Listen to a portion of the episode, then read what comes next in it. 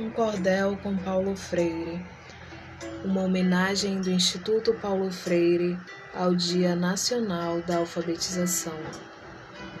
Eu vou contar a história de um ser conectivo. Em 19 de setembro nasceu alguém criativo que lutou a vida inteira, foi sempre prospectivo. O seu nome é Paulo Freire, sua vida tem memória, persistência na luta, clareza na trajetória. Para ele, esse cordel é nossa dedicatória. Na cultura popular, aprendeu a ler o mundo. Sua obra promoveu o mergulho mais profundo. Ensinar e aprender é um trabalho fecundo. A sua pedagogia, cheia de amorosidade, é um ato de coragem e de politicidade. Não se faz educação sem paixão e sem verdade.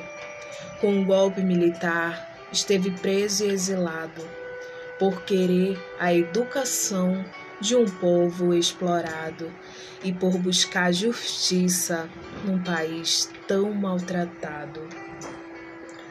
Seu Brasil nunca esqueceu, fez projetos, resistiu, escreveu livros e versos que o mundo aplaudiu e foi na educação onde mais contribuiu.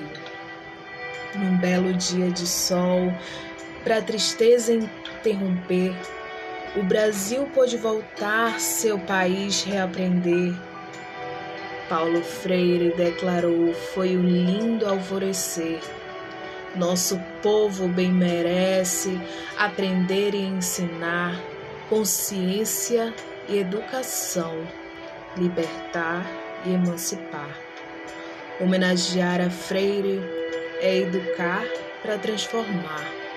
Seu legado nos ensina que cabe a todos nós aprender com a própria história, não calar a nossa voz. É assim que reinventamos Paulo Freire em todos nós. Um cordel com Paulo Freire.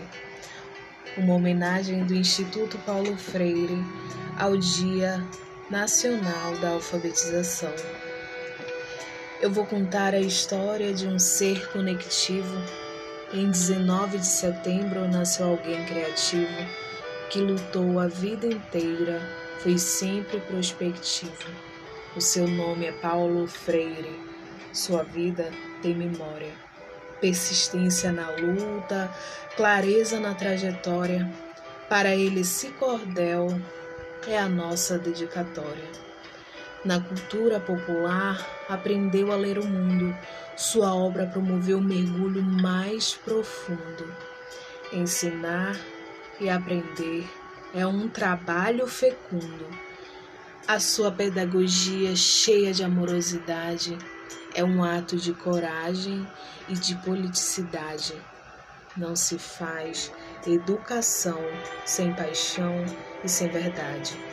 Com um golpe militar, esteve preso e exilado por querer a educação de um povo explorado e por buscar justiça num país tão maltratado. Seu Brasil nunca esqueceu, fez projetos, resistiu, escreveu livros e versos que o mundo aplaudiu e foi na educação onde mais contribuiu. Num belo dia de sol, para tristeza interromper, o Brasil pôde voltar, seu país reaprender. Paulo Freire declarou: foi um lindo alvorecer.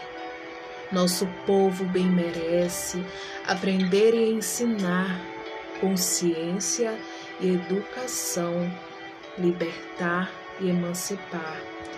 Homenagear a Freire é educar para transformar. Seu legado nos ensina a aprender com a própria história, não calar a nossa voz. É assim que reinventamos Paulo Freire em todos nós. Eu vou contar a história de um ser conectivo. Em 19 de setembro nasceu alguém criativo que lutou a vida inteira, foi sempre prospectivo. O seu nome é Paulo Freire, sua vida tem memória, persistência na luta, clareza na trajetória. Para ele, esse cordel é a nossa dedicatória. Na cultura popular, aprendeu a ler o mundo. Sua obra promoveu o mergulho mais profundo. Ensinar e aprender é um trabalho fecundo. A sua pedagogia, cheia de amorosidade, é um ato de coragem e de politicidade. Não se faz educação sem paixão e sem verdade com o golpe militar, esteve preso e exilado por querer a educação de um povo explorado e por buscar justiça num país tão maltratado. Seu Brasil nunca esqueceu, fez projetos, resistiu, escreveu livros e versos que o mundo aplaudiu, e foi na educação onde mais contribuiu. Num belo dia de sol, para a tristeza interromper, o Brasil pôde voltar, seu país reaprender. Paulo Freire declarou: foi um lindo alvorecer. Nosso povo bem merece aprender e ensinar. Consciência, educação, libertar e emancipar. Homenagear a Freire é educar para transformar. Seu legado nos ensina que cabe a todos nós aprender com a própria história, não calar a nossa voz. É assim que reinventamos Paulo Freire em todos nós.